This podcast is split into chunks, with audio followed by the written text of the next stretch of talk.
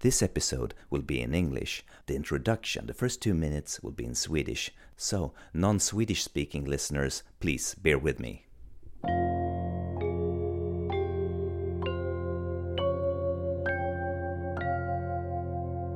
Hej och välkomna till Udda Ting, en podcast om sällsamma historier, kreativitet och kreatörerna själva. Jag heter Henrik Möller, musiken är skriven av Testbild och den fina loggan till podden är gjord av Malmökonstnären Nalle Chinsky. Det här avsnittet ska handla om den italienske regissören Dario Argento och främst hans trilogi The Three Mothers som börjar med Suspiria, sedan Inferno och avslutas med den katastrofala Mother of Tears.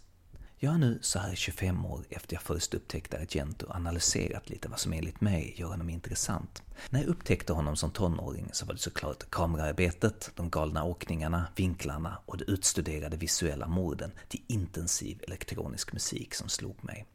Det var helt olikt allt jag tidigare hade sett.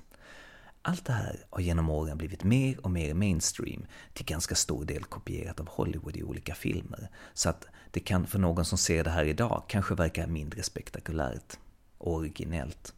I och för sig, om man ser det som 13-14-åring idag och inte sett så mycket innan så kanske, vad vet jag.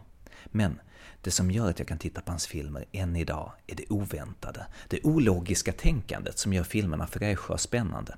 De följer en sorts drömmens logik och har en unik visuell look, djupt integrerat med de intensiva ljudlandskapen. Så det är bara att släppa allt traditionellt filmtänk, luta sig tillbaka och låta sig svepas med. Extra mycket så, just i filmen Inferno, som vi ska tala mer om om en stund. Gäster idag är Troy Howarth, som jag tidigare intervjuat om Fulci, och Maitland McDonough, som skrev den allra första boken på engelska om Argentos filmer. Och det var just den boken jag själv köpte tidigt 90-tal, så därför var det extra kul att intervjua henne. What was it that attracted you to Dario's films? I think that from the start, what appealed to me about Dario's movies was that they appeared to take place in a rational world and didn't. And that's a relatively unusual thing in really any kind of film, whether it's a conventional genre film or a, a more highbrow drama or suspense film. They, by and large, choose a side.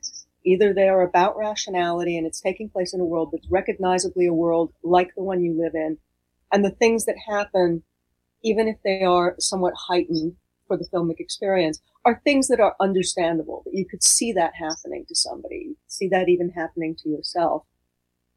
And in Argento's movies, perhaps with the exception of Suspiria and Inferno, which are pretty firmly committed to that supernatural world, um, they start out looking as though they take place in a fairly reasonable facsimile of the real world, and then step through some kind of cloud door into a world of complete and utter craziness. Filmmaker Richard Stanley first met and befriended Dario in England when he was 14 years old.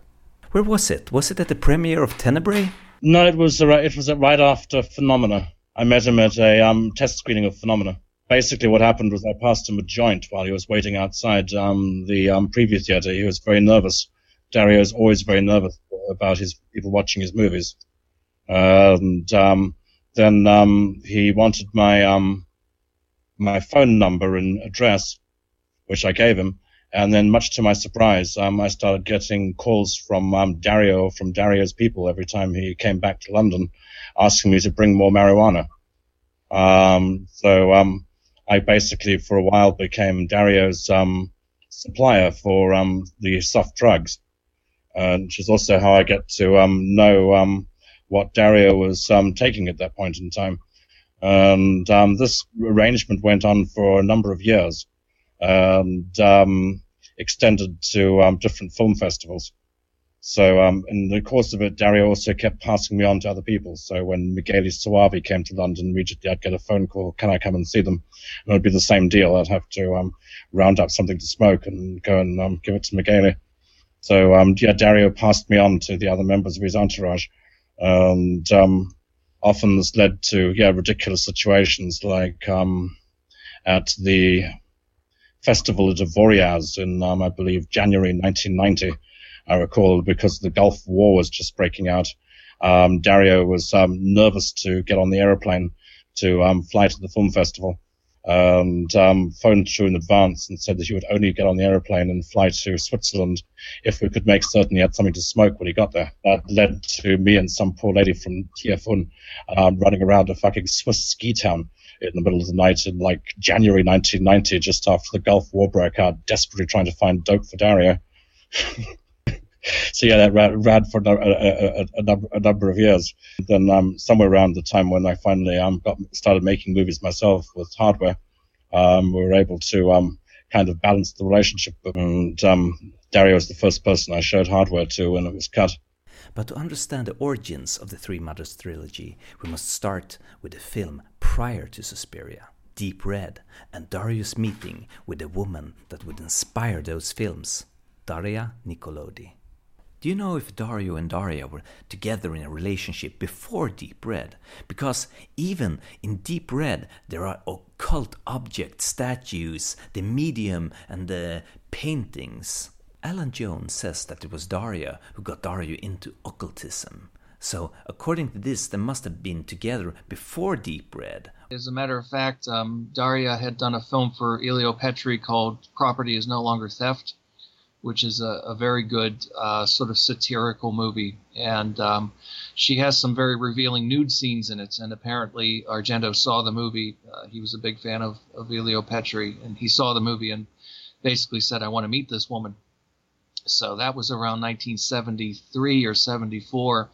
And uh, they they first met when he was putting together Deep Red. Um, he he basically wrote the role of Gianna Brezzi for her, and uh, they fell into a relationship during that movie. It was the happiest time that they'd had together. I think that's the reason that Daria is at her most glamorous in that movie, and she's also uh, playing a very upbeat character who she's hurt at the end of the film, but she does survive. We we know from the dialogue that she's going to pull through and be okay. Whereas later on, as their relationship started to fall apart, you could see that not only was he starting to make her look very unattractive in some of these films, but he also would give her really vicious and violent death scenes.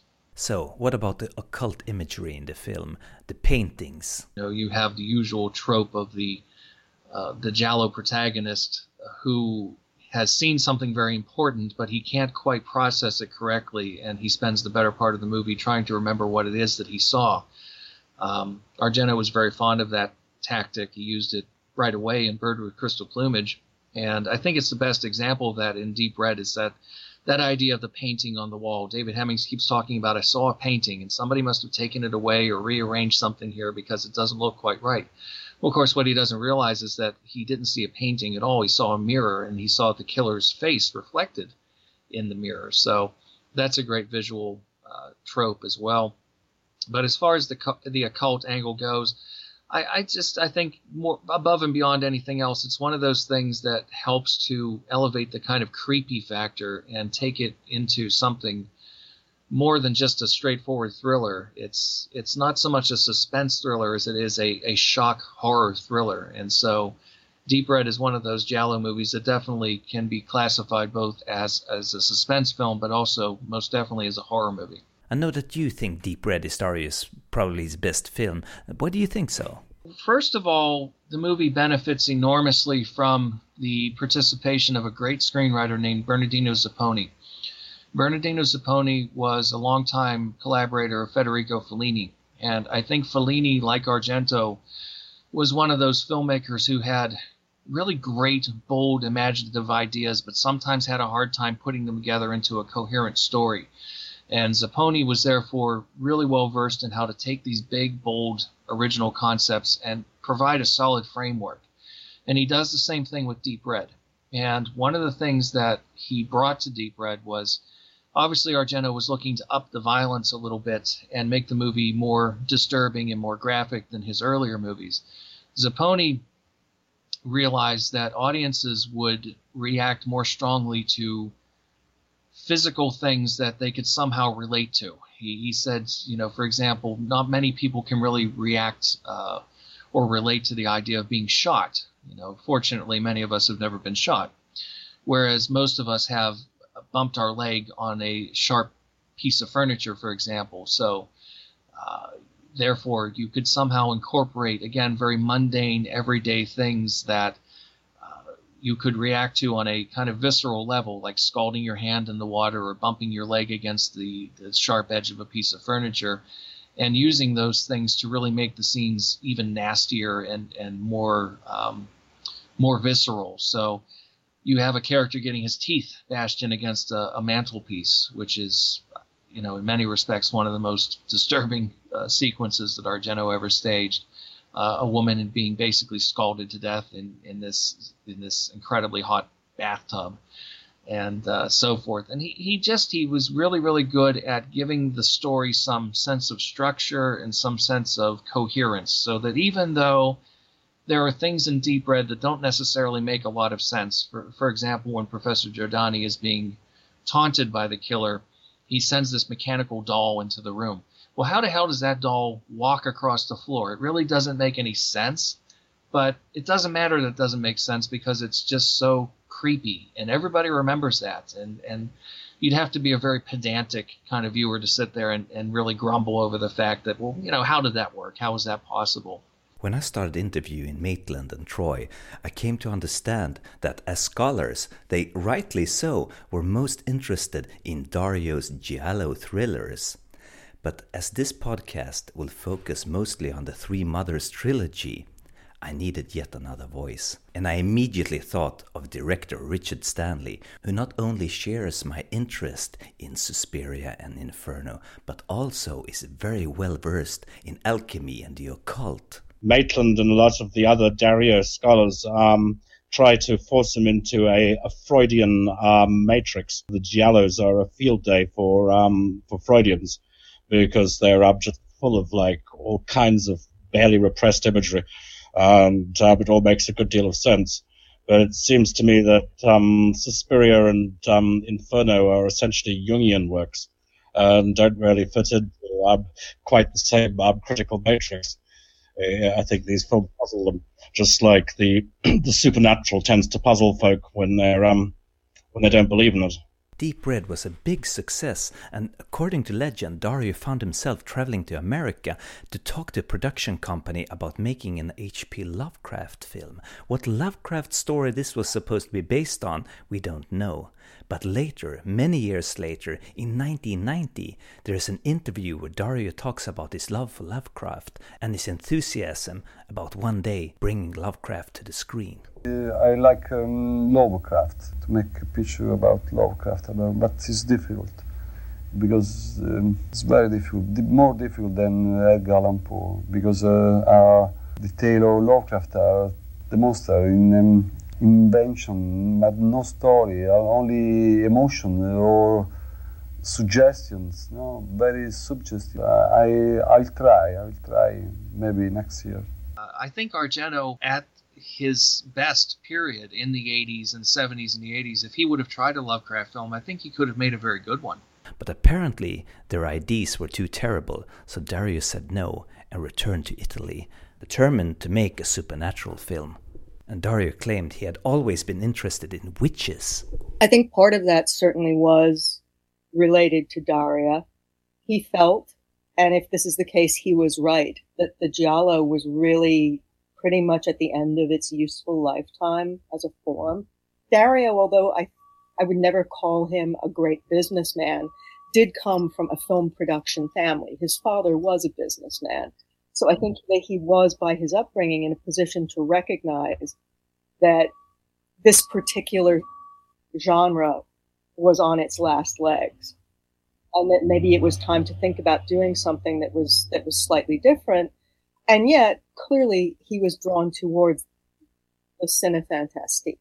He wanted to make some kind of fantastic film. Supernatural horror did appeal to him in the sense that he read supernatural horror stories as a kid. He loved Poe, for example. And I think that those stories had a really deep impact on him, perhaps in ways that he didn't even think about, because the thing that I always liked about the science in Dario's movies is that it's bizarre science. And you see that kind of thing in Poe. See that notion of, oh, the murderer's face is visible on the retina of the dead person, or the XYY chromosome configuration predisposes you to be, to be a psychopathic murderer. And that, that's nonsense. It's nonsense. It's weird science, not science. And that I think is probably part of the reason that Frankenstein appealed to him as a story, because that too is weird science. And the spark of life is not electrical. That the reason that real science doesn't appeal to him is because real science is intensely methodical. You do not take the second step until you are absolutely sure that your first step is in the right direction. And you don't take the third until you're sure about the second. And that's not Dario. Dario is much more intuitive, much more free form. I mean, I think if he were a painter, he would probably be an abstract painter, not a figurative painter, because he would find the demands of figurative painting just too confining. And it would be all about color and shape and shading. Tell me about how the whole Suspiria thing started. Daria had an experience, and I'm trying to remember the details of it, and I can't. But she had maybe an aunt or some other relative who used to tell stories about having gone to a boarding school that was run by witches, and I, and so that that fueled her imagination. And I, Daria Nicolodi said to him, you know, this this could make a really good kind of horror thriller film. With you know this this idea of the um, the school being run by witches. Looking closely at the movie, I would suggest that it was probably some connection with the Theosophical Society or um, Rudolf Steiner, because um, we note how um, within um, the Waldorf schools and within um, Steiner's work, you've got um, eurythmy and a lot of dance-based ideas. And hidden within Suspiria, we can see the, for instance, that recurrent site plaque outside the building saying um, Gurdjieff resided here and um, the, the dates.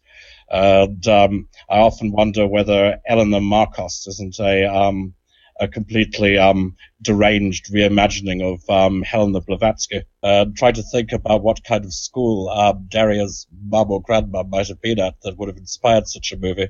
I guess that's what um, took me down the, the route of imagining that maybe it was um, Steiner and Blavatsky, but put through like a really distorting prism. Like it was a story that um, was told by the mother, the grandmother to the mother, who maybe told it to Daria, who then repeated it to Dario, who was probably on drugs in the 70s and um, imagined this um, really uh, insane version of the initial anecdote. So yeah, trying to figure out where this esoteric stream enters into Dario's work is, is tricky. But it does feel like maybe um, Daria Nicolodi is the first one to plant the seed. Another influence on Suspiria is undeniably English writer Thomas de Quincey, most famous for Confessions of an English Opium Eater, his second book after Opium Eater, Suspiria de Profundis. And in that book is the concept of the three mothers Mater Tenebrarum, Mater Suspiriorum, and Mater Lacrimarum. And uh, you know, if if this first film goes over well, maybe you could even do follow-up movies and do one for each each of the three evil witches. And um, he and Nicolodi wrote the script, and according to Nicolodi, she was very unsure because even by this stage, things were starting to sour a little bit between them. Um, Argento is apparently a very uh, credit hungry uh, kind of a filmmaker, and he likes to take credit for everything himself. So she said she wasn't even sure if he was going to give her a credit on the film as, as a co-writer. Um, but uh, she was relieved when the film finally was put together and she saw her name up there on on the screen. So uh, obviously they were still getting along well enough at that point that she was able to get a co-writing credit. Whereas on Inferno, he took sole screenwriting credit on that, even though she and uh, Dardano Sacchetti had a hand in writing that one as well. But if you look at the film, Dario is solely credited as the writer of Inferno. He's solely credited for Inferno, and that's always been a source of great irritation with Dardano Sacchetti and Daria Nicolodi because uh, I think Nicolodi, even more than Sacchetti, had a big hand in the writing of that film. And at that point, Argento basically, I, I think, well, I mentioned before Bernardino Zapponi, and you might wonder why did he not use Zapponi again? Because obviously they collaborated well. Uh, Zapponi liked Argento. He kept saying, "I would love to work with him again." I think it comes down to that issue of authorship, and he didn't want to have a well-known writer working with him. He wanted to have, if he was going to have a collaborator, it be somebody like uh, Franco Ferrini, who wasn't terribly well known apart from working on Argento films. Um, he didn't want to have somebody with a really strong sense of authorship that people might say, well, this movie turned out really well, but maybe it's because of this other person. I, I think he wanted to be seen as the sole creator. But uh, on Suspiria, at the very least, he did the right thing and gave Nicolodi the credit that she deserved. Um, she was originally supposed to play one of the lead roles in that film as well, but uh, stories vary on that, whether she injured herself during rehearsals or whether um, Argento just basically decided that he didn't want her doing it. I'm not altogether clear on that, but basically she was going to play the part that uh, Stefania Casini ended up playing, uh, Sarah's friend at the academy. So she had a very big presence in the film. Definitely true to say that I think a big part of the reason that the first two entries in this trilogy are as good as they are is because of Daria Nicolodi. The look of Suspiria is something else, and as I mentioned before, Dario said that he was inspired by Snow White and the Seven Dwarfs, and it took me some time to understand that this was not story wise, but visually. Snow White and the Seven Dwarfs was the first Technicolor animated feature, and at the time it was quite controversial because parents claimed that the bright colors might damage children's eyes. So Dario used, by the 70s, old, outdated Technicolor stock that was processed in a way that's been explained to me, but I still don't understand it.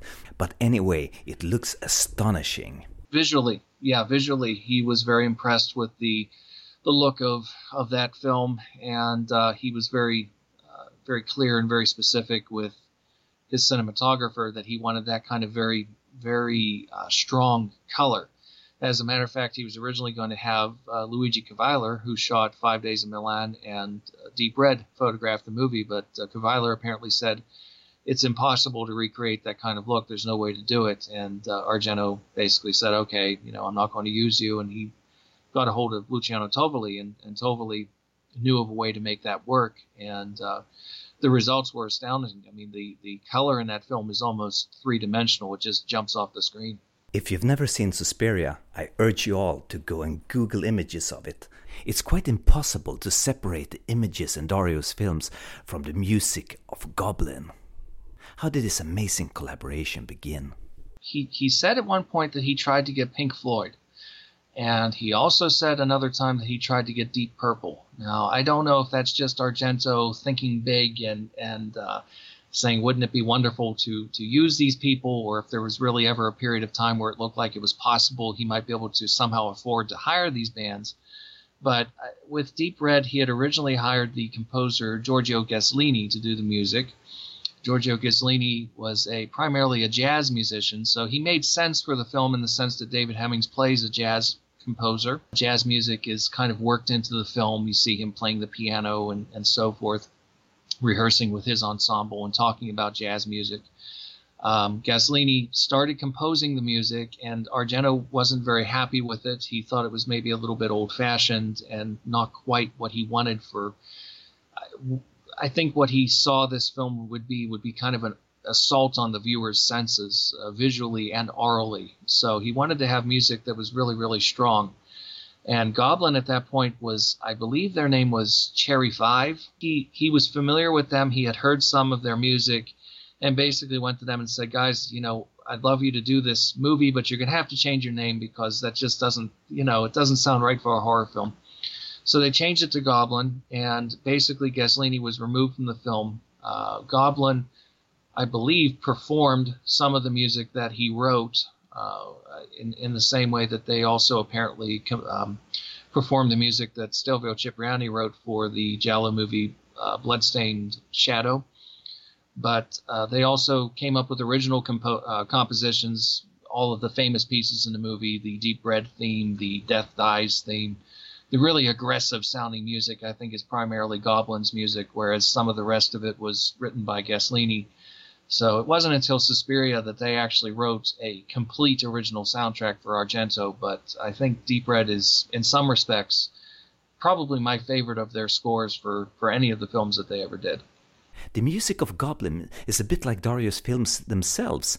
It's sort of a special taste, an acquired taste. A lot of people think it's silly and tacky, but I love it. I have almost all the soundtracks to Argento's films by Goblins, and I play them frequently. Well, Suspiria had come out in February of 1977 in Italy, and it was sold all over the world. Um, it was enormously successful. It made a ton of money.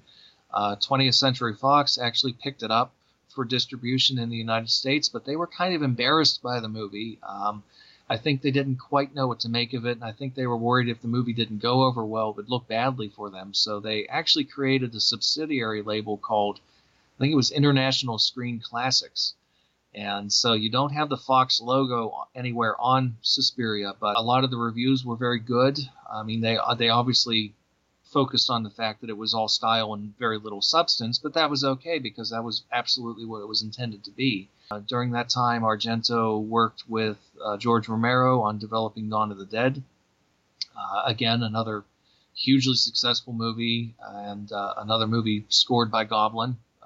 So, and in that case, Argento created a deal with Romero whereby Romero had the control of the movie in the U.S., but Argento had the control of the rest of the world.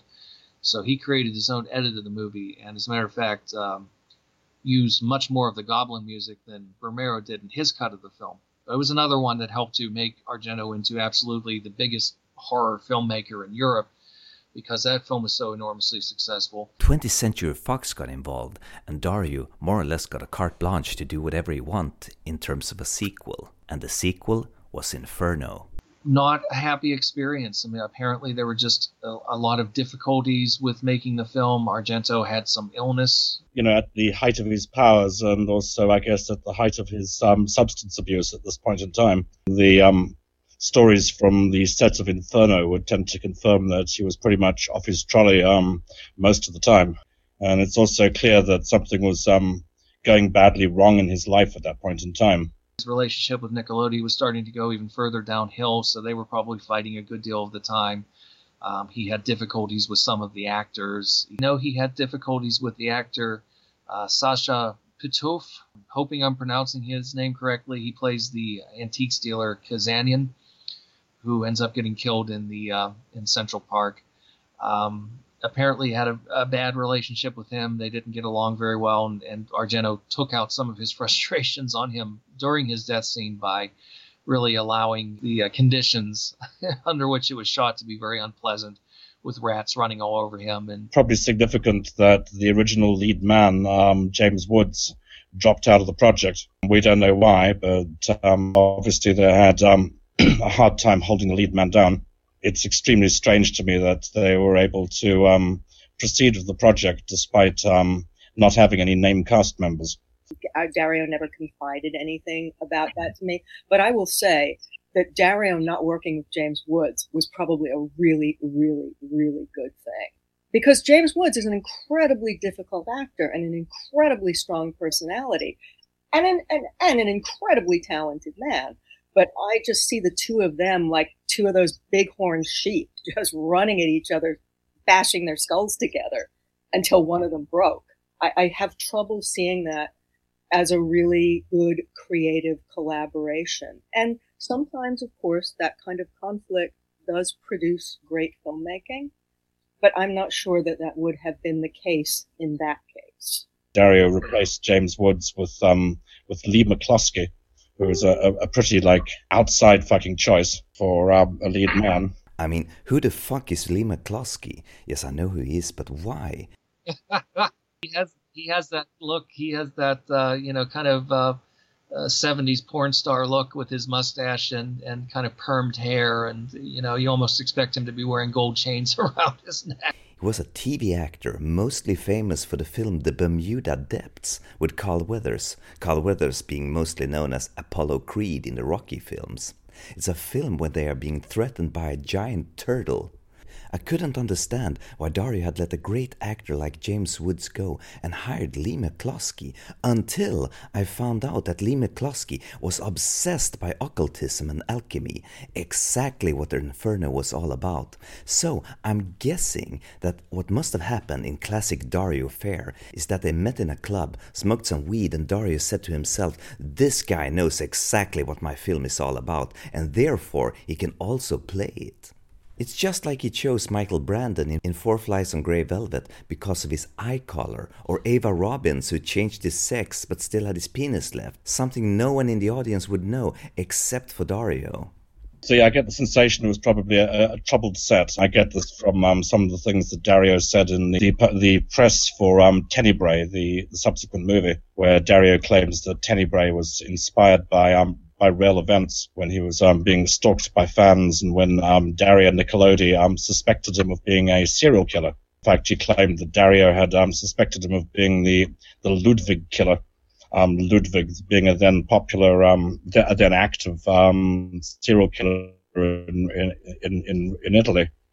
So I can imagine if um, your partner thinks you may be a serial killer, um, it doesn't speak well about um, about how his home life might have been at the time. Um, for the record, Ludwig turned out to be two Italian physicists who were um, not one but two, um, and uh, one of those bizarre things. Who, um, yeah, apparently are out now. Dario was sick with hepatitis and had to direct some scenes lying down. Actress Irene Miracles got sick halfway through the shoot, so Dario rewrote the script and had her killed off so they could keep shooting. The script was rewritten daily, and Dario improvised more than ever. A probable explanation why Inferno looks the way it does. 20th Century Fox was openly involved in the production of this film. I guess they were sometimes trying to impose decisions on him and, and trying to encourage him to do certain things. Although, if you look at the way the movie turned out, it's hard to believe that an American studio could have had any influence on it whatsoever because it's such a, a, very strange movie. It's a very, it's it's kind of the European art house movie of the three films. Uh, I think if they each have their own individual personality, it's the one that really feels like the art house movie. Dario said in an interview that Inferno was specifically about his research into alchemy and, in particular, demonic alchemy and I don't know how personally he was into demonic alchemy. I mean, I'm not really a student of the occult personally. You know, Dario was a product of the druggy 70s, and De Quincey is all over those movies. So I think it's not really very hard to make the connection there between Confessions of a, an English Opium Eater and mm. Suspiria, and particularly Inferno, because those are just those are totally druggy movies, and they are great. I mean, everybody should be high when they see Suspiria for the first time. You know, we see in um, Suspiria, and in particular Inferno, a potpourri of um, of esoteric influences, and um, to say you can detect Lovecraft's fingerprints on Inferno, um, lightly, but they're there because um, uh, on some level, Inferno does feel like Dreams in the Witch House, a, a, heavily reworked version of Dreams in the Witch House. We're in an apartment building where it's living in the building, and um, moreover, she's um, living in the space between the walls of the building or um, beneath the, uh, the, the floor of the place, which um, yeah, for me is definitely evocative of um, of Lovecraft. And I wouldn't have been surprised if Dario hadn't actually um, read Dreams in the Witch House. Then yeah, yeah, obviously most people are aware of the um, the borrowing of the three mothers themselves from um, Thomas de Quincey, coming out of um, Levana and Our Ladies of Sorrows by um, de Quincey. And um, yeah, we've already mentioned that there's probably something coming from uh, the Theosophical Society and from um, Madame Blavatsky and possibly Steiner. The other big um, giveaway and um, kind of one of the more intriguing things in um, Inferno is the book itself, the um, the book, the Three Mothers, the book that um, nobody ever fucking reads in the course of the movie, but keeps showing up and then getting stolen before anyone before anyone has a chance to actually figure out what it's about. The Three Mothers in the movie is credited to um, Varelli, the alchemist, who eventually turns up um, living beneath the floor in this um, yes space between the walls. And um, yeah, for me, it's very hard not to imagine that um, the character of Varelli is um, a fictionalized version of um, Fulcanelli, the um, the master alchemist. I mean, picking up a copy of um, The Mystery of the Cathedrals by Fulcanelli and reading the, the preface where the publisher Eugene Canseliet talks about the recent disappearance or transfiguration of his alchemical master friend, it feels like a very strong yeah, echo of the section of text that keeps um, turning up in, in, in Inferno. I think this is borne out by La Chiesa, um, The Church, the film that Dario allegedly wrote and um, produced for um, Michele Soavi a couple of years later, or at least um, at the yeah at the tail end of the 80s, I think. Um, Inferno's about 1980, and the Church is around 1988, 89, in which um, in the Church you get to actually see um, the Mystery of the Cathedrals, the book by Fulcanelli, which is um, pulled out and brandished in front of the camera which again would tend to indicate that um, Dario had encountered this book. At the very beginning, I thought Fulcanelli was fictional. It took a while for um, Mystery of the Cathedrals to be made available in an English language translation a copy that we can actually buy. I mean, at first it was so mythical that most of my friends in America thought it was like the Necronomicon, and it was something that um, was simply a myth and didn't really exist. Paperback English language translation copy of um, Mystery of the Cathedrals arrived in the 90s, we were able to see that it was, it was in fact a real book. Typically, Fulcanelli is credited with having written three books, of which the third book, the third key, is missing. The third key described by Fulcanelli as the, at some point as the verbum dimissum, or the missing word. The, th- the key that will make sense of the rest of the, um, the alchemical, um, metaphor, the rest of the, the rest of the imagery is always missing and um, Finis Gloriae Mundi, the third book by Fulcanelli, is missing. Um, but even weirder to me is that the second book by Fulcanelli, Houses of the Philosophers, exists, but trying to get an English language copy of it is super fucking hard. A lot of it can't be translated either. I mean, a lot of people say that Fulcanelli is untranslatable simply because um, he uses the phonetic Kabbalah, um, which means that by translating the fucking book, you you break the link to the phonetic Kabbalah uh, it no longer has the same esoteric content that it did in its original French. You told me once that Dario was very interested in architecture communicating an alchemical truth. Fulcanelli's thesis is basically that um, Gothic art and Gothic imagery is a secret language containing a um, an encoded um, esoteric or alchemical message. And I think this notion of um, of, of, of Gothic art and architecture, um, carrying within it a um, secret message, um, probably grabbed Dario's imagination. It's apparent in Suspiria as well. The Tanz Academy or the apartment building itself is um, kind of the whole point of the movie. I mean, it overpowers the um, lead characters completely, in that um, I often feel like um, the um, human characters are just being shuffled on and off in front of um, the architectural background. In, in um, Suspiria, the sense that the wallpaper is more important than the, the, foreground action kind of gradually seeps consciousness as you're watching the movie. Uh, that amazingly, at the end of the film, the um, we, we discover that the, the secret is in fact in the wallpaper. Uh, Jessica Harper steps straight through the through the wall, through the wallpaper, into the um, yeah, the hidden um, world that's on the other side. And we also note when she enters the um, the tunnel on the other side of the, the wall in Suspiria that um, they've painted um, elaborately all kinds of um, esoteric and Latin maxims on the wall um, bringing out this notion. I think that it's hidden in, in, literally in the in the building or in or in the walls. You see it in Shirley Jackson's haunting is rooted in the same tradition. I think that the Three Mothers tradition that Dario made up comes from, which is the tradition of some some houses are just born bad. There's just plain something wrong with them. There's something, you know, Hill House is the house where there isn't a single 90 degree angle from top to bottom all of them are, are just a little bit off. Um, I don't know if you've read House of Leaves. Oh, yes. A masterpiece. And it's another one where you have that notion of the house where everything is wrong, where the exterior of the house is a quarter inch smaller than the interior, and that's just not possible. and yet it is, no matter how many times they take the measurement. I think the house, the Varelli houses, the houses of the three mothers, are part of that continuing tradition. They're like the House of Usher, and you know Dario is a huge Poe fan. The House of Usher is simply cursed, and that's why eventually the earth swallows it up. Inferno sees one of the last appearances of legendary director, cinematographer, and special effects artist Mario Bava. Mario Bava is known for virtually creating the Italian giallo thriller. He was way ahead of his time using the brightly colored filters of red, blues, and greens and yellows that Argento later became famous for using in Suspiria and Inferno. Mario Bava came onto the set to help on with some special optical effects for Inferno, and especially directing some scenes when Argento was very sick with hepatitis. He's not credited on the film, and I suspect that was because he didn't want to be credited because he was a, a established director. I think he probably saw coming on to do some technical work like that as kind of a step backward, so he was happy to do it, but didn't want any credit for it.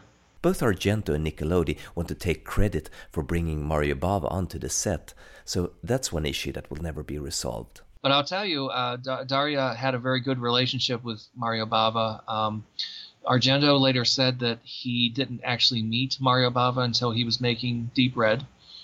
Um, of course, after Deep Red, Daria did two films with Mario Bava, the, the two last films that he directed, uh, Shock and Venus of Ille and uh, she regarded Mario as like a father figure. She absolutely adored him. She even talked about when he when he died, uh, she went to the um, the viewing and asked for you know a, a, chance to sit with the body for like an hour or two, just to sit there and be alone with her thoughts with him.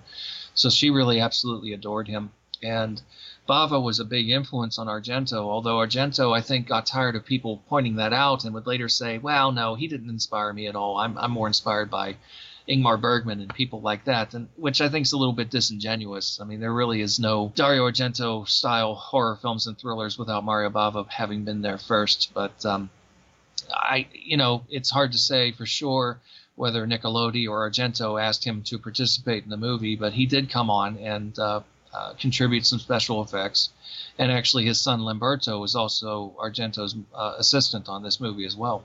For Inferno, Argento ditches Goblin's music in favor of Keith Emerson. You might think this is an odd choice, but Keith Emerson's music works really well in that film. Argento was really impressed by Emerson because he said in an interview that Emerson pushed huge knives down between the keys of his organ when he played. He probably just didn't want to repeat himself. I, I would imagine after having done uh, Deep Red and and Suspiria and uh, Dawn of the Dead with Goblin. Probably wanted to change things up a little bit.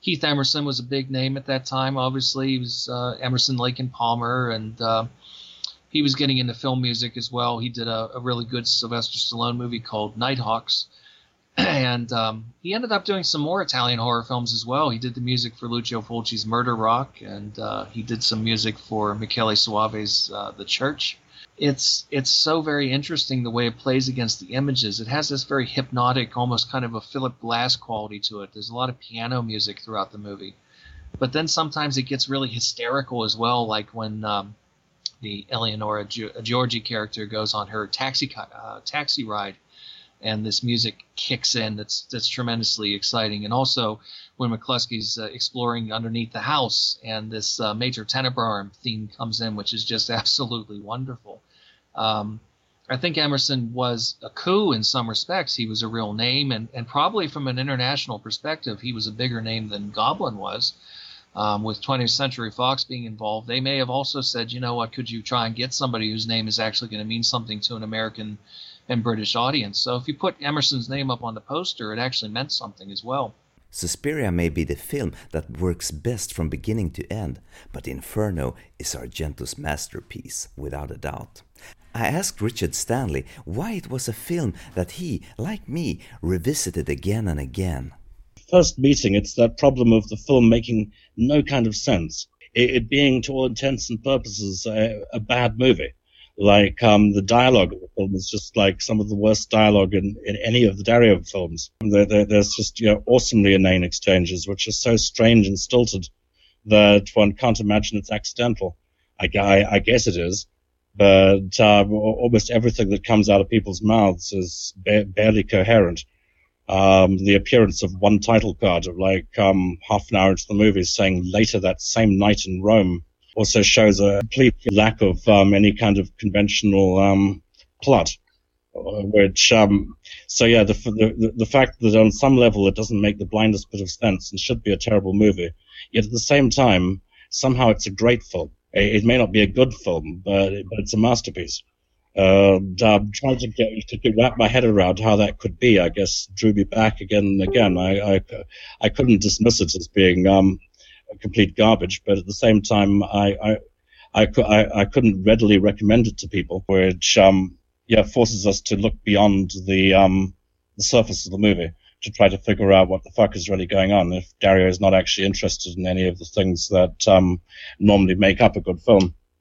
It's almost like the um, the collapse of the um, the aesthetic superstructure, the um, plot and the the characterization and the structure of the movie um, is kind of like the collapse of the apartment house itself, and the, and, and the collapse of reason.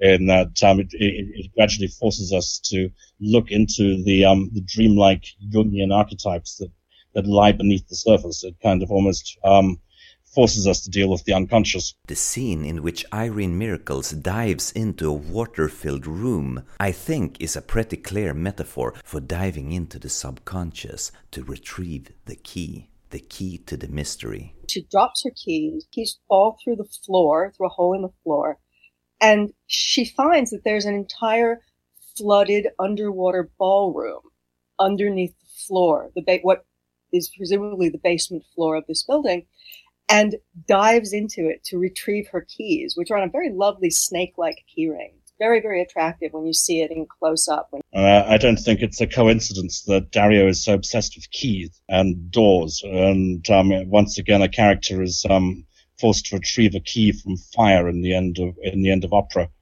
and um, it feels like um, there's this kind of unlocking of a series of Chinese boxes. I mean, it's fairly apparent as well that we should take the um, the large house of many rooms to be a metaphor for um, for for Dario, for the filmmaker. Is we're kind of walking around inside his inside his mind or inside his unconscious. It's like a film where the, the subtext has um, escaped into the into the foreground. Tried to talk to Dario about it many times in the course of knowing him. In um, the earlier years, Dario would always shrug it off and kind of break eye contact, uh, look at his feet, um, changed the subject and um, just would never fucking talk about um, Inferno or um, the Black Mother. Um, for a while, he seemed to push it right out of his consciousness. And Tenebrae, we can see as a reaction to this as well, that he um, completely ditch, ditches the um, the Gothic architecture and the um, stylized lighting, and um, butchers the Mother of Darkness immediately at the beginning of the movie, or at least butchers the Mother of Tears. Um, brings back the actress from Inferno and um, kills her the, in the first killing in Tenebrae while simultaneously stuffing the pages of the book into her mouth, which um, definitely seems to be a, a way of saying goodbye to all that at that point in time. So yeah, he seems to have been very down on Inferno, and I think a lot of the the, yeah, the cast members and probably 20th Century Fox felt the same way because it was obviously very poorly reviewed and received over the years, um, I talked to Dario about it, and talked to him again about it, and talked to him again about it, and um, yeah, he gradually came around. Somewhere around, um, I guess, 2005, he started embracing it as being his um, his favorite movie. Although uh, he, was still unable to explain why. I recall um, a screening at Raleigh Studios that was organized by um, John Landis and Joe Dante for a bunch of the studio heads and they'd gotten nice new prints of the of the films to screen.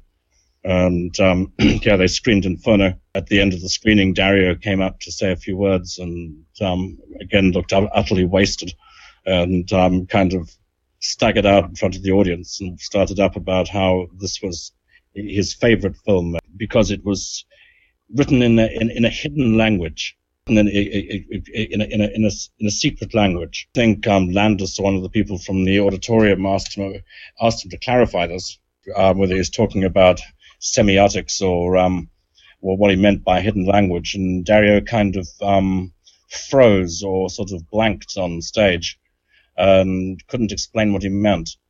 Um, and kind of looked around the auditorium and suddenly said, Where's Richard? Richard can explain. To my regret, I was outside uh, somewhere having coffee with um, with Asia and didn't know about this and um, missed the moment. But um, yeah, Dario d- definitely embraced it, but still had a hard time explaining why he loved it. I think everybody more or less agrees that Daria is the one behind Suspiria and Inferno. But when she later on wrote her own script for The Third Mother, directed by Luigi Cozzi, called The Black Cat, that film was a total turkey. And you can almost you can see that she's still driving at the same theme as well. That um, she's trying to tackle the, the Mother of Darkness, um, but she's also trying to get revenge on Dario at the same time. So it's uh, uh, and it's made by Luigi Cozzi. So um, yeah, trying to figure out what's happening in that one is kind, of, um, kind of good luck. But it's kind of their divorce movie.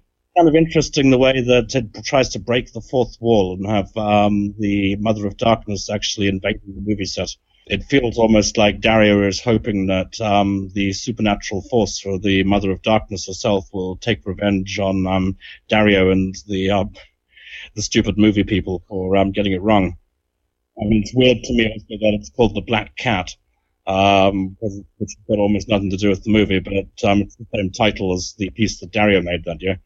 And that um, Dario did his version of the, the Black Cat for Two Evil Eyes, same time as um, Luigi Cozzi movie. The resources just weren't there. I mean, bear in mind that Argento's movies were, by comparison, especially after Deep Red, they were they were fairly big productions, and uh, I think the Argento Nicolodi dynamic, you know, essentially they brought out the best in each other, and once they kind of split off and went their separate ways, I think they both suffered. The Edgar Allan Poe Black Cat story is um, kind of swings around um, the central moment where the narr- the lead character, the narrator, having gotten away with murdering his wife, can't resist drawing attention to the crime by knocking on the wall of the, the room and saying, um, what secret could possibly lurk between these soundly put together walls? Always jumps out at me, bringing us back to this notion of the um, the secret being hidden in the wallpaper in um, Dario's black cat behind the video rack. What Richard was talking about was the meta and autobiographical elements in Dario's films. But I have to say, it goes very well along with Edgar Allan Poe's theme, Imp of the Perverse, which means that the killer can't help but to draw attention to himself in classic serial killer fashion by leaving little clues behind for the police to find. Which ties in what Richard was talking about earlier that Daria Nicolodi suspected Dario of being a serial killer. Dario's next film was Tenebrae. Well, Tenebrae might not have much to do with Inferno and Suspiria. It's every way as mysterious. Dario always said that Tenebrae was inspired by something terrible that happened to him in America. What was it that happened to him? He said he was staying in a hotel, and apparently there were some Japanese tourists um, in the lobby who were just randomly gunned down um, which really obviously upset and disturbed him. And then apparently also he had a situation around the same time where a fan of his uh, was reaching out to him and trying to make contact. And the fan was initially very pleasant and, and very appreciative and talking about how much his movies meant to uh, him. But then eventually the letters started to get more and more uh, unbalanced, and uh, I believe it climaxed with some actual death threats. I, I, think that was very much the basis of Tenebrae. The crazy fan, the the desire to enact something that you know is is a fantasy. You have a film which is just a representation of a of a of a fantasy act, a violent act, or whatever, and, and the idea that somebody could be potentially uh, somehow unhinged by that. And I think also the notion of culpability between the artist and the violence that can erupt in reality um, is kind of at the background of that movie too, because as I'm sure most people who hear this will be aware, the the writer uh, protagonist in that film ends up being the killer. Um, after a certain point, he kind of assumes the role himself. So I think it was that, and also the fact of just this kind of idea of random acts of violence. Uh, Argento said he was very uh, disturbed by that idea of just very random acts of violence, as opposed to the kind of thing where you have uh, somebody committing an act of, of violence, a murder for money or for revenge or for lust or whatever. Just this kind of idea of just a random, senseless killing. Tenebrae meaning darkness, and the whole film is super bright. Even the night scenes are brightly lit by lights we don't know where they're coming from. Just as you said, there's a wonderful irony in the fact that, yes, the title translates literally as darkness, but it is probably the most brightly lit Giallo movie I can think of.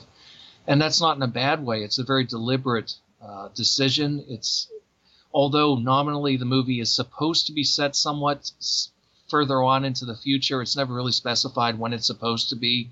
Uh, Argento gave this kind of very vague uh, answer that he tends to give, where he says, "Well, it's it's set after there's been some sort of catastrophe and there's less people around, and you know most of the people that are around are kind of rich, and the poor people have kind of died off, and you know the only glimpse we see of the poor is this one." Uh, tramp character who tries to attack a woman at one point. So everybody else seems to be very well to do and very affluent.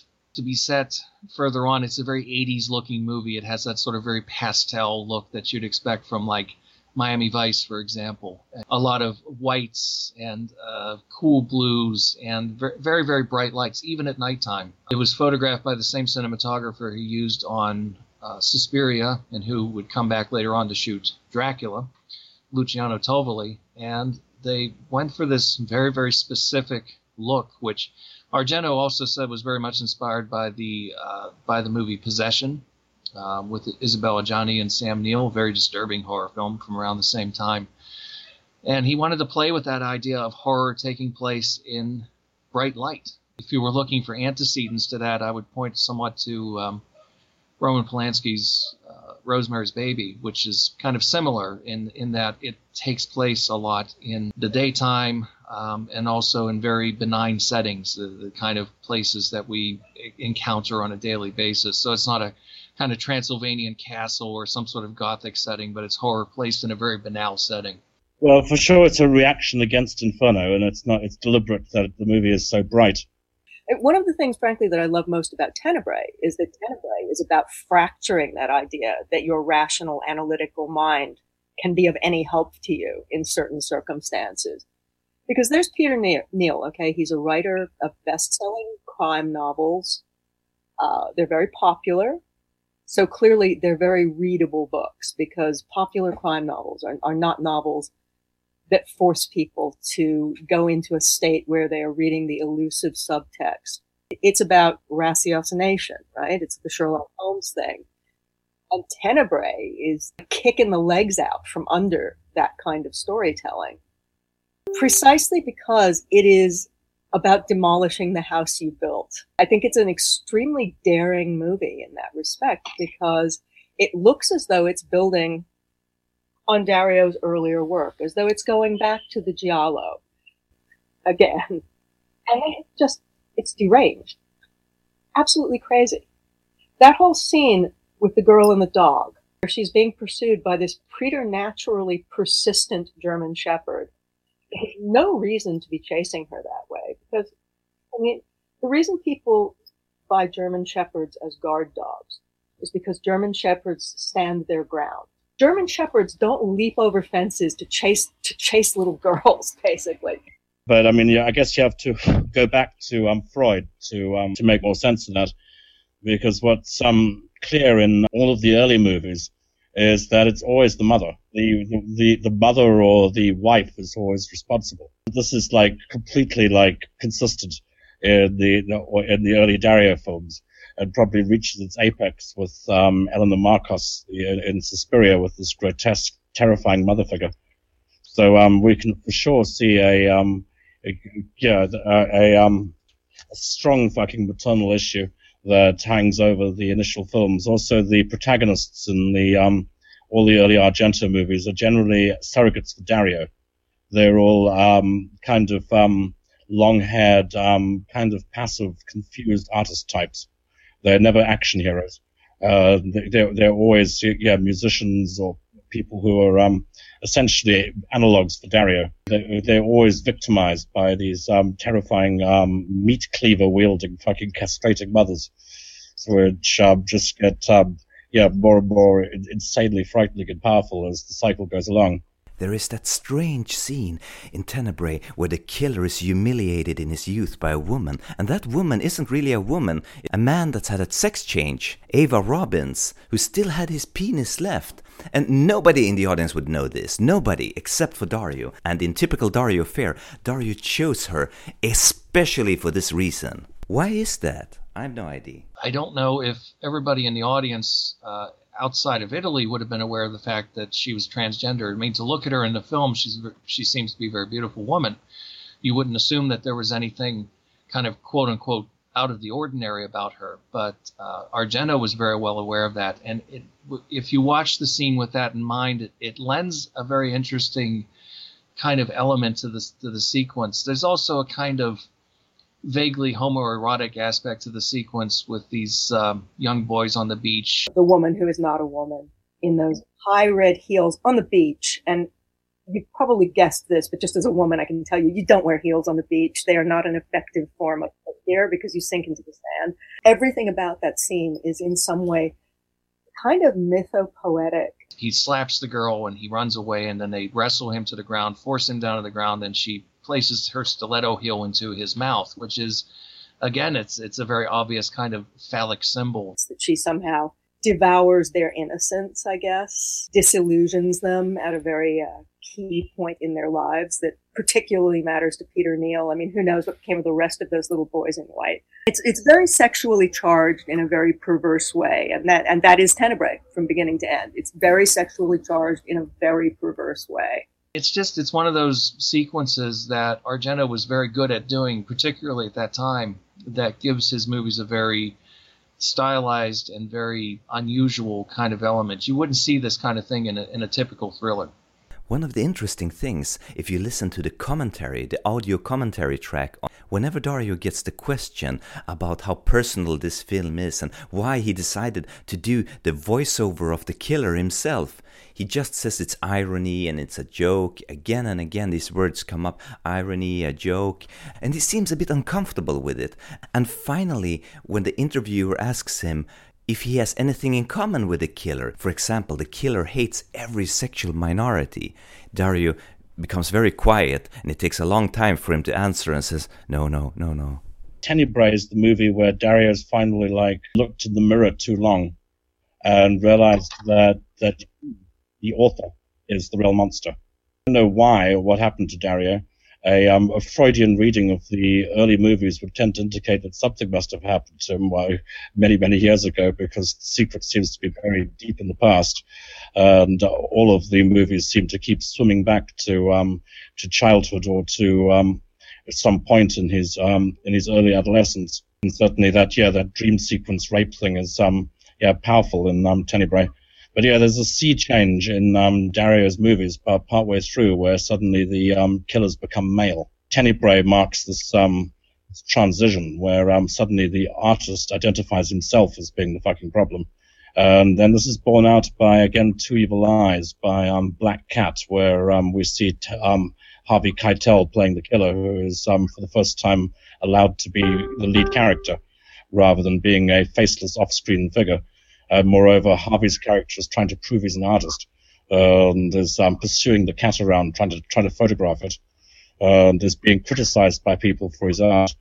Uh, and also walls up his crime, hide, tries to hide his crime behind the um, the DVD video rack. This kind of gets resolved in a way in opera where um, the lead girl finally hugs the killer and tells him that I love you, and uh, they, they, walk off together through a Sound of Music type field of flowers for a moment, and then the um, the um, girl eventually, uh, Cristina Marsillach ends up freeing the lizard, which is um, caught in the caught in the flowers, and says, "You're free, go away," and lets the lets the lizard escape the um, the killer tries to justify himself in opera. You can imagine this being Dario, kind of a, a, cry from the heart from Dario. The killer's last line is, um, "I didn't kill anyone. I was just trying to free their souls."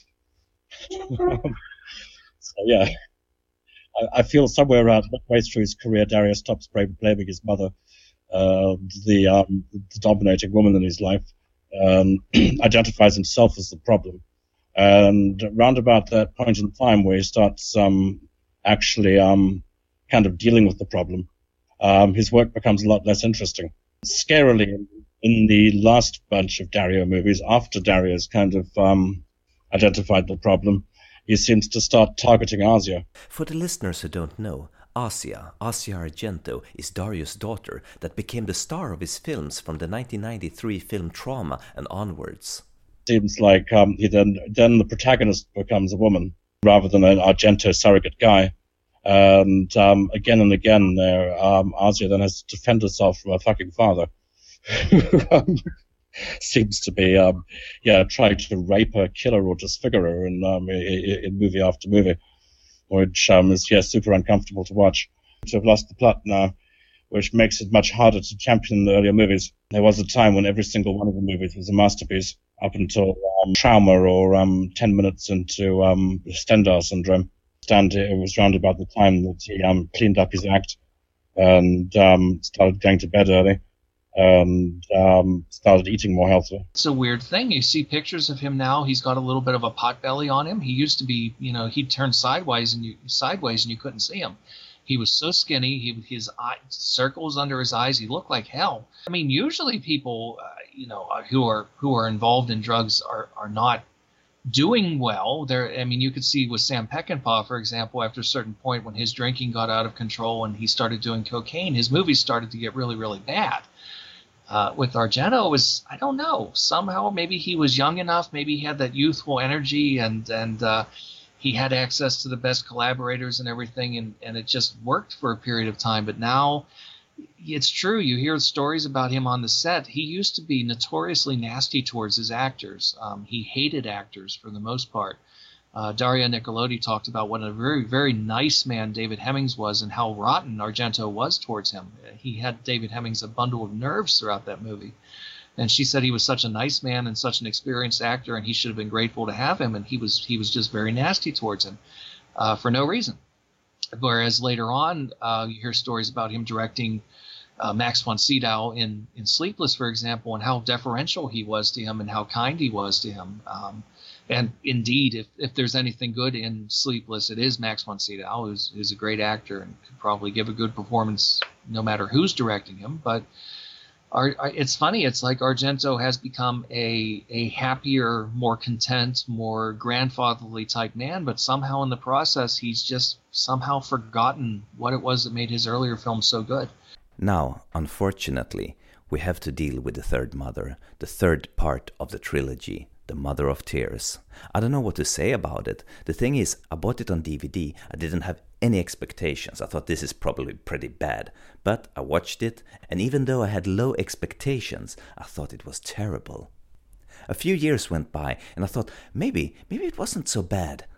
I watched it again, and yes, it was terrible. This repeated itself. A few years later, I saw a trailer of the film. I thought, maybe this wasn't so bad. And I watched it again, and ah. So I sold the bloody DVD. Well, let's put it into context a little bit. In, in the late 80s, he finally decided to go over to America and try his hand at making movies over there because I think he felt he had gone as far as he could in Italy and he wanted to sort of conquer the American marketplace. Um, his name didn't really mean a lot in the American marketplace. His name wasn't uh, like uh, John Carpenter, for example, or Wes Craven or George Romero. He was this sort of weird Italian guy who made these little arty, strange horror movies. So he came over here. He tried that, and uh, I think he actually he made a couple of very good films over here. I actually really really like his segment of Two Evil Eyes, and I'm also fond of Trauma, but they didn't do well. Uh, selling trauma as you know Dario Argento's trauma in the same way that you know Carpenter had his name over the titles like John Carpenter's Prince of Darkness and things like that didn't work because people just didn't know who he was. And so then he went back to Italy. He did probably his most violent film, his most disturbing film. It was a, a return to the Giallo called The Stendhal Syndrome. And it was reasonably successful. I think it confused a lot of people. I think it put a lot of people off, but I, I think it's probably the last great film that he ever made from my point of view. One of the main attractions in Dario's films had always been the visuals.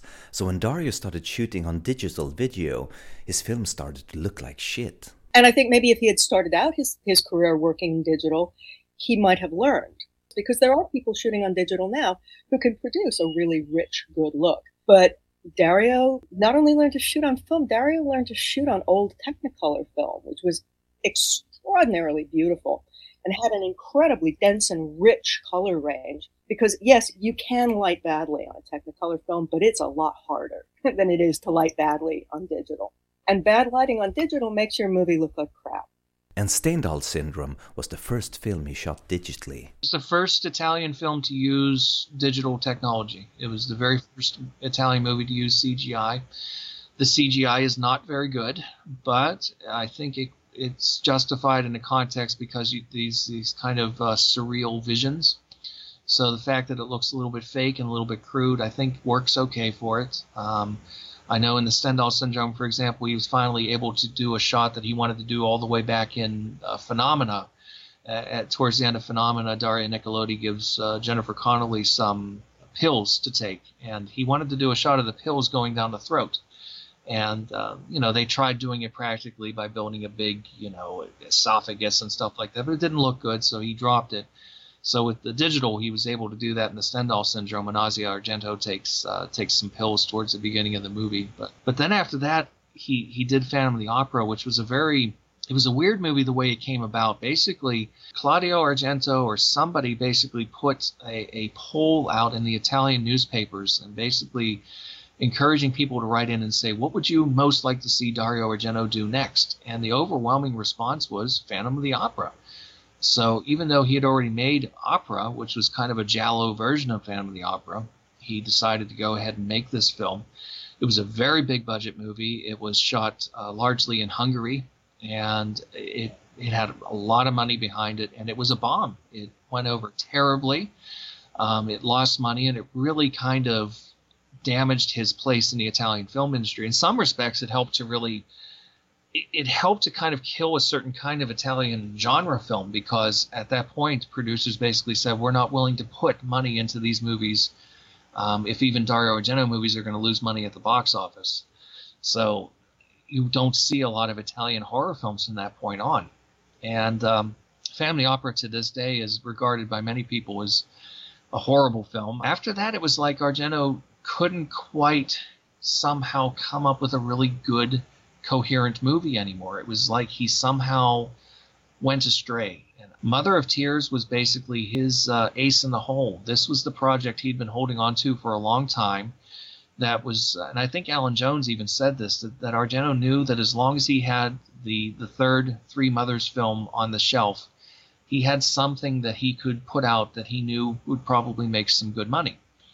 So, in a weird sort of way, he must have been aware of the fact of what audiences expected from this movie. He must have been aware of what they wanted.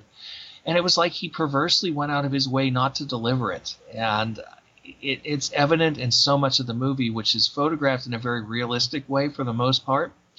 You don't get that really strong sense of color and, and everything that you see in the earlier films. And really that would have been the easiest thing in the world for him to do that to just slap the red and green and, and blue gels over the lights but he doesn't do it like a, a trash um, grindhouse movie in some ways. You have the the scary witch in Suspiria then you have the kind of sexier but more um, you know modestly presented one in Inferno and then you have this this girl with sort of uh, silicone tits uh, naked uh, in in Mother of Tears and he takes the violence to a level that goes beyond the sadistic into something that at times is really, really uncomfortable. There's a scene in the film where this uh, white witch uh, is is revealed to be a lesbian, and she's in bed with her with her lover, and they're killed off in this very sexualized way. As a matter of fact, the the one is even uh, penetrated with a uh, uh, some long, sharp,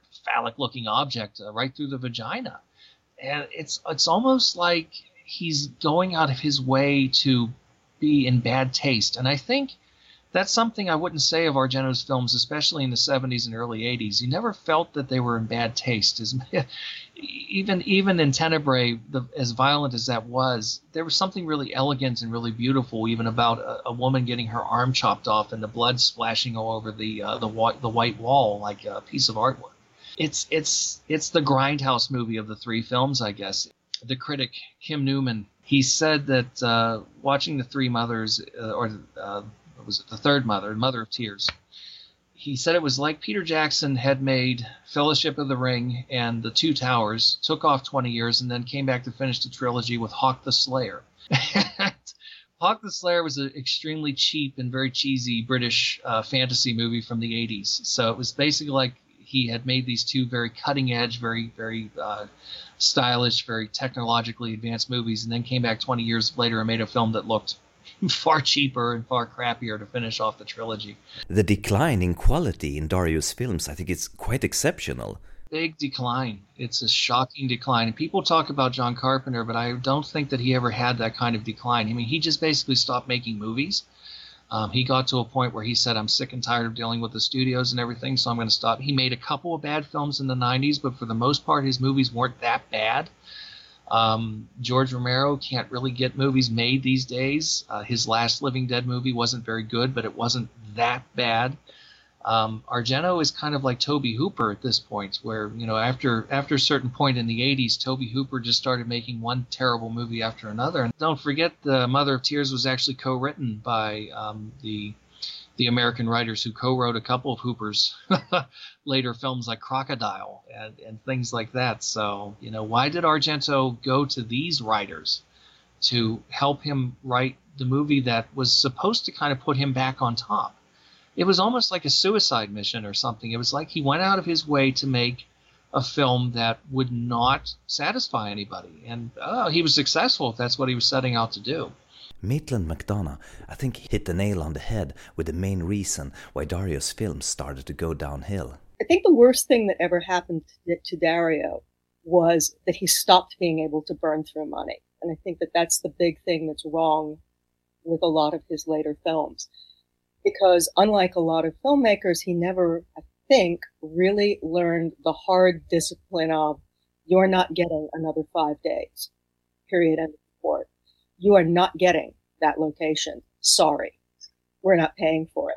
I think it's part of the reason that a lot of, a number of his later films feel very thin because in the case of a number of his earlier movies, the screenplays are not their strongest aspect, but the visual component of the movies are, is so strong that you don't care. But when you get to a movie like The Card Player, the flaws of that screenplay are thrown into high relief by the fact that it also doesn't have the production values. You need money to make that work.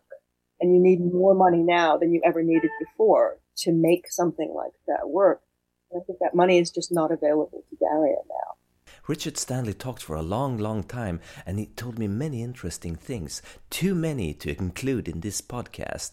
But Richard Stanley has for many years had a blog that chronicles his encounters and thoughts on the three mothers and Dario. So if you want to read it, I will include a link in the show notes to SoundCloud.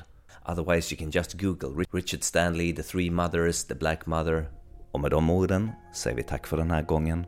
Mitt namn är Henrik Möller Musiken är skapad av Testbild. Hej då.